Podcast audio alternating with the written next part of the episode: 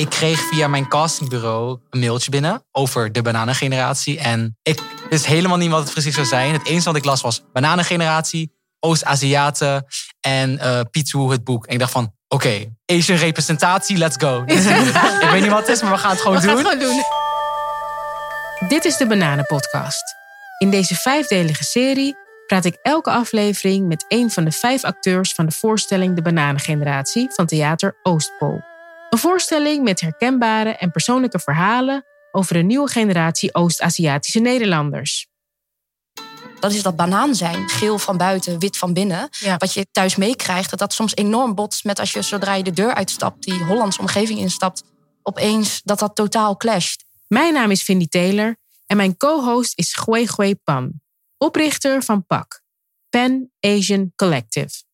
Samen zitten we in een van de repetitieruimtes van Theater Oostpol in Arnhem en krijgen we steeds bezoek van een van de acteurs. Aflevering 3. Yui. Leeftijd. 22 jaar, Beroep.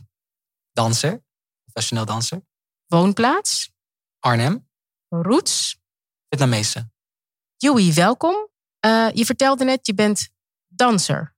Ja, klopt. Geen acteur. Wat is jouw rol in de voorstelling? Ehm, nou ja, ik denk dat het dan even. eh, dat ik het terug zal pakken naar hoe ik hier ben terechtgekomen, denk ik vooral. Dus ik kreeg via mijn castingbureau kreeg ik dus eh, een mailtje binnen over de bananengeneratie. En ik wist helemaal niet wat het precies zou zijn. Het enige wat ik las was bananengeneratie, Oost-Aziaten en eh Piet het boek. En ik dacht van, oké, Doen. Asian representatie, let's go. ik weet niet wat het is, maar we gaan het gewoon We gaan doen. het gewoon doen. Dus ehm, op een gegeven moment, ik zei, Ken je dit boek? het boek, ja, ik, heb, ik ken het nu. T- Toen ik de, na de auditie eh, het had gehad, had ik het gelezen, ja. Maar dus ik kwam bij de auditie aan, eh, of tenminste, eh, ik eh, kreeg, eh, had me ingeschreven voor de auditie. En ehm, toen kreeg ik een mail terug met, jij moet een monoloog voorbereiden. Ik dacht van, een monoloog? Je bent danser. Ja, ik heb nog nooit een monoloog gedaan of whatsoever. De enige eh, ervaring die ik heb gehad in acteren of spreken is vooral eigenlijk eh, op de middelbare school toen ik drama kreeg. Dus ik dacht van oké, weet je, ik vond het toen heel leuk, laat het gewoon doen. En eh, ze waren heel enthousiast over mij. Wat heb je gedaan? Wat, waar- wat was het onderwerp van je monoloog? De monoloog was zeg maar een stuk van het boek van Piet Wu. Of Piet Wu, sorry. En ja, ik moest dat zeg maar dus ehm, voorlezen in monoloogvorm. En eh, ja, ik ging het gewoon op mijn best voorbrengen. En eh, het ging heel goed. Ik ken- maar welke passage? Wat was het onderwerp? eh, het ging eigenlijk over eh, het stuk van het boek waar Piet Wu naar China ging samen met zijn moeder. En ehm, dat hij eigenlijk een, een meisje, of een vriendin van, ehm, of als ik goed heb, de dochter van de vriendin van zijn moeder. Ze, die, ze probeerden hem te koppelen. ze nog. probeerde hem te koppelen, ja. En Na, het- nadat hij al Was het- een coming-out had gehad Ja. richting haar. Ja. Dat is een hele interessante passage trouwens. ja, precies. Dus eh, dat. eh, Maar zo, zijn, ouder, zijn eh, bro- vader of zijn moeder gaf hem toch nog een jaar om toch nog eh, straight te worden. Toch Dat was ik, zijn eh, vader. was zijn vader, ja. Ja. Maar goed, dat, eh, het- was een monoloog ehm, dat zeg maar in delen was gestukt eh, om kort te krijgen. En dat moest ik dus zeg maar voordragen. En ehm, ik ging het op mijn best naar voren laten brengen. Op een gegeven moment zei Charlie ook nog, kan je dansend vertellen? Ik dacht van, Nou, dat wow, helemaal, ja. Oké, ja, laat het gewoon doen. Dus dat deed ik dat. En ehm, ik heb het gewoon een beetje mijn eigen ding van gemaakt. En hij was gewoon heel enthousiast. En Maar herkende je iets van, eh, van, van jezelf in het, in het boek? Ehm, in, het in het gehele boek waren er echt wel zeg maar, bepaalde topics waar ik me echt in kon relateren. Piet heeft wel zeg maar, eh, zijn eigen verhalen. En hij heeft ook zeg maar, andere mensen opgezocht eh, over hun verhalen. En dat maakt zeg maar, het boek zo bijzonder voor mij. Want er waren zoveel dingen waar eigenlijk nog niet over werd gepraat. Waar ik nog nooit eerder over heb gehad of überhaupt over heb gelezen. Geef eens een voorbeeld. Eh, ja, eh, ik heb heel vaak meegemaakt binnen de datingswereld over no Asians. En dat is eigenlijk gewoon dat ik heel veel profielen ben tegengekomen. waarbij mensen letterlijk gewoon in een biografie zetten: no blacks, no femmes, no Asians. En eh, het is zeg maar, ja, ik, ik wist eerst niet wat ik ervan moest vinden. Uh, naarmate van tijd besefte ik eigenlijk van dat uh, niemand mij wou. Zo zag ik het tenminste in. Mm-hmm. Dat um, ja, zelfs in zo'n groep waarbij je een, een, een minor... gemarginaliseerde groep al. Ja, je, weet je wel, we zijn al een kleine groep van onszelf. En daarin ben ik nog steeds, zeg maar. De outsider. Ja, de outsider. En, de ander. Ja, en ik, ik werd daar nooit zeg maar persoonlijk op geraakt. Maar ik besefte toen ook van, oké, nee, dit is niks voor mij. Ik ga het niet doen. Maar ehm, ik merkte het wel dat het wel heel vaak voorkwam. Gewoon op alle datings, datings apps. En zoals, eh, ja, de typische, of de, de populairste homo-app, als ik het zo moet zeggen, is Grindr. En eh, toen was ik daar voor de eerste keer eh, in aanmerking gekomen.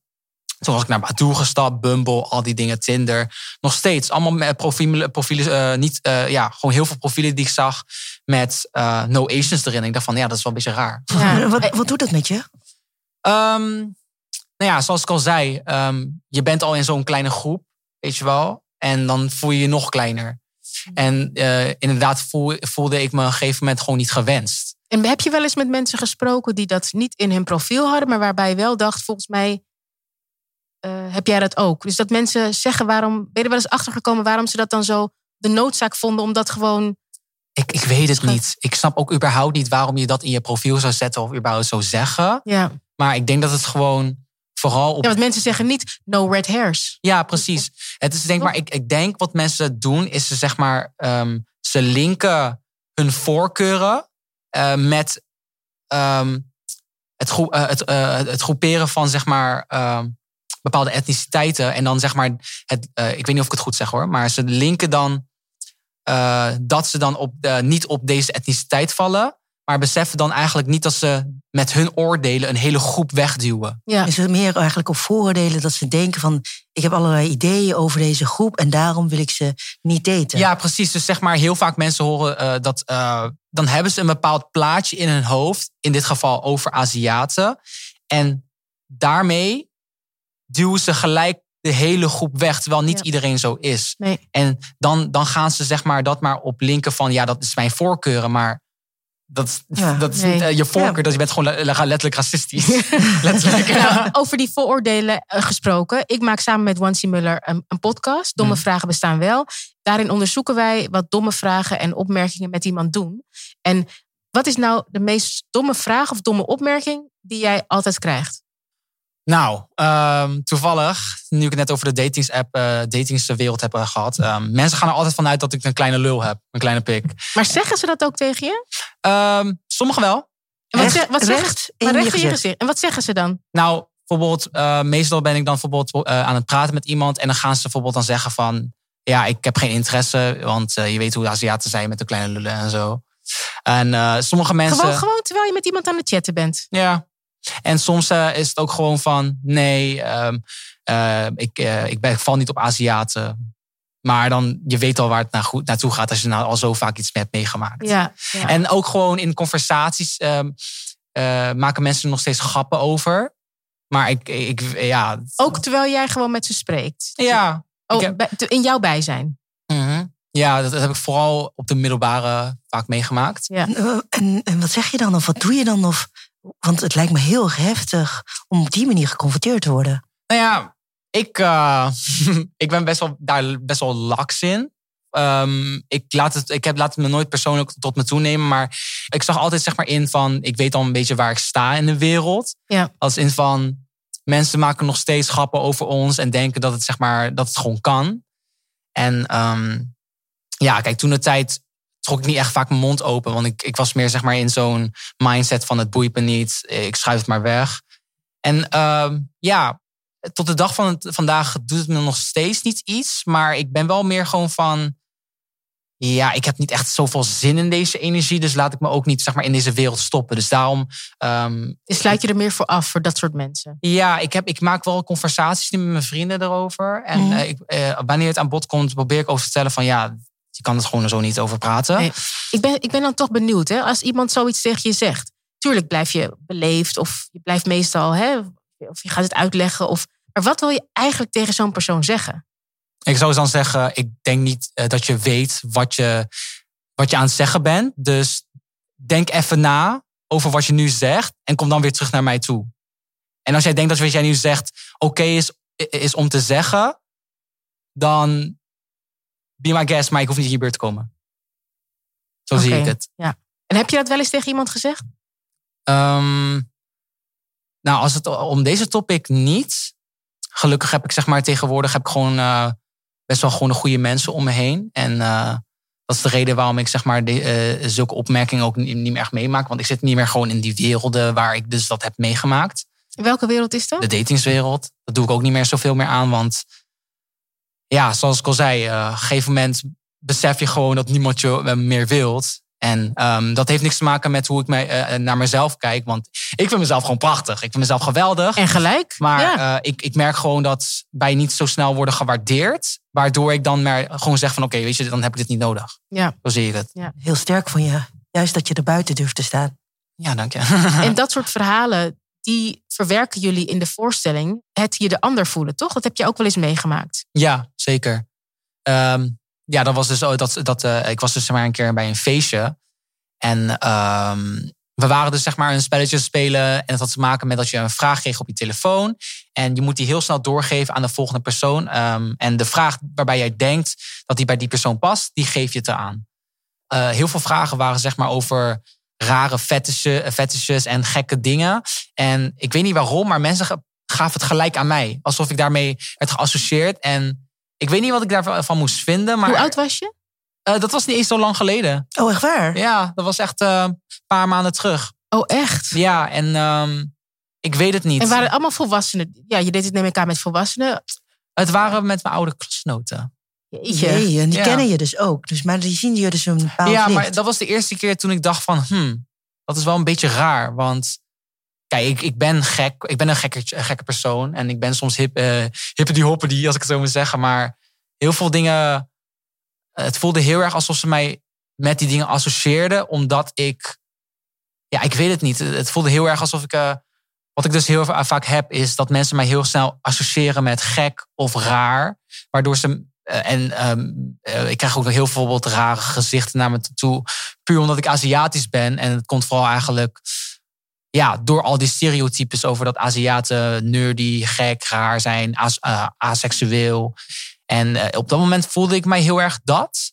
En misschien was het zeg maar niet bewust voor gekozen. Maar ik denk dat het ook zeg maar door de jaren heen iets is uh, geworden dat onbewust in, in iedereen's brein is terechtgekomen. Dat uh, die associa associaties gewoon normaal zijn. Ja. Dat heeft ook beeldvorming te maken als je kijkt de naar media. de Ja, nou, heel veel in de media. Precies. En Al zeg, die rollen voor mannen uh, zijn geeky, zijn uh, heel nerdy, heel erg um, bijna exotiserend. Ja, en, en, het grappigste was, ik was, uh, mijn klas is gewoon heel erg multicultureel. Dus we waren gewoon met verschillende mensen in een groepje dat spelletje aan het spelen. Maar al die rare vragen werden naar mij gestuurd. Ja. Ik vond het heel. Heb je er wat van gezegd? Nee, want ik, toen las ik ook zo van, oh oké, okay, dan weet ik waar ik sta. Weet je? Kijk, mijn klas was toen nog, ik, ik was heel erg, ik, ben gewoon, ik was gewoon heel erg gehecht met mijn klas. En um, dat was toen gewoon de eerste keer toen ik merkte van, oh, er worden nog steeds die associaties over mij gemaakt van dat ik raar en dit en dat ben, weet je wel.